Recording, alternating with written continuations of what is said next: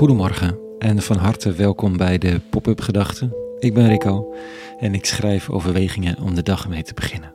Vandaag met de titel Zo onzichtbaar is hij niet. Pop-up Gedachten dinsdag 17 oktober 2023.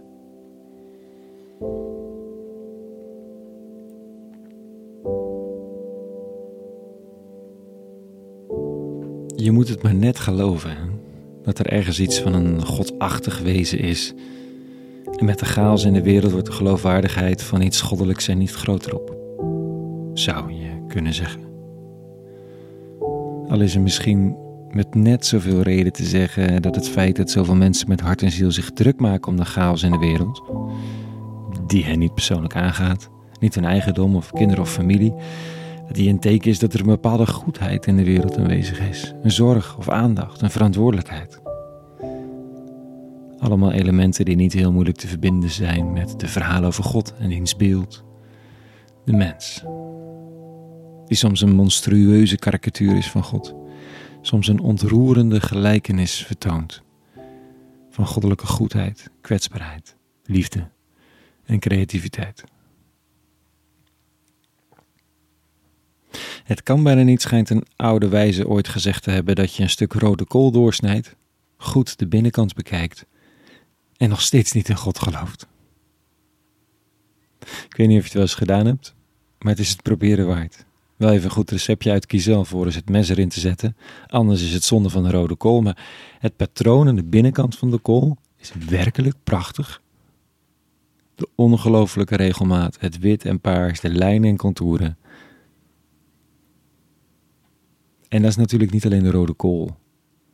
Dat is ook de regelmaat van de nerf van een boomblad. De uniciteit van alle, werkelijk alle vingerafdrukken. Zo'n herkenbaar patroon en dan geen één hetzelfde. Hoe dan? Zelfs een AI-toevalgenerator zou met zo'n hoeveelheid verschillende mensen op een gegeven moment toch met een dubbeling moeten komen. Maar als mensen rekenen we erop dat dit niet gebeurt. Daarom overal die vingerafdrukken als bewijs van uniciteit. Maar dat het uniek is, is eigenlijk best bizar, toch? Wetenschap heeft een naam dat het niet zo goed kan geloven. Omdat in een aantal religieuze stromingen God de oplossing voor alles is en wetenschappelijke conclusies daarvoor moeten wijken.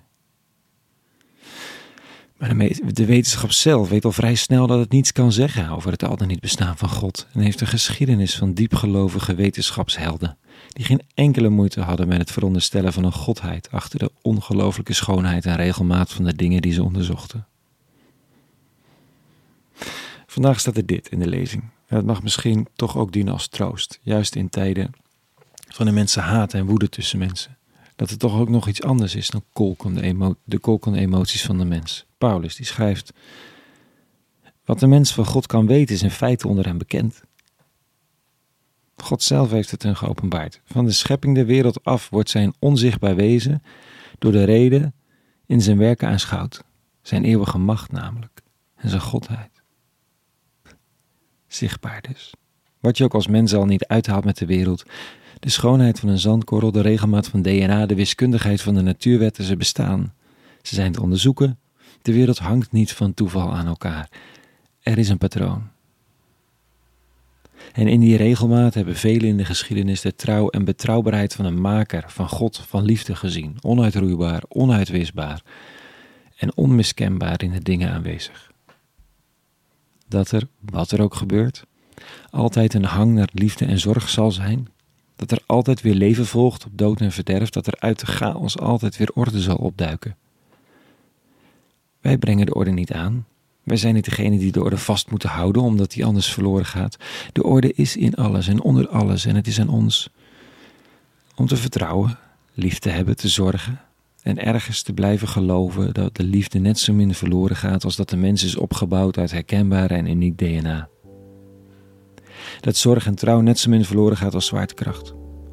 Dat aandacht en vrede, ook al lijkt het soms een verloren zaak, net zo aanwezig is en zichzelf vertakken als dat er weer blaadjes uit bomen tevoorschijn komen in het volgende seizoen. Al die orde van de wereld is kwetsbaar en afbreekbaar. En ze is ook onuitruwbaar, want ze is overal aanwezig. Dat het wellicht wat troost mag bieden, als je het herkent. Juist in tijden als deze. Een hele goede dinsdag gewenst. En vrede. En alle goeds.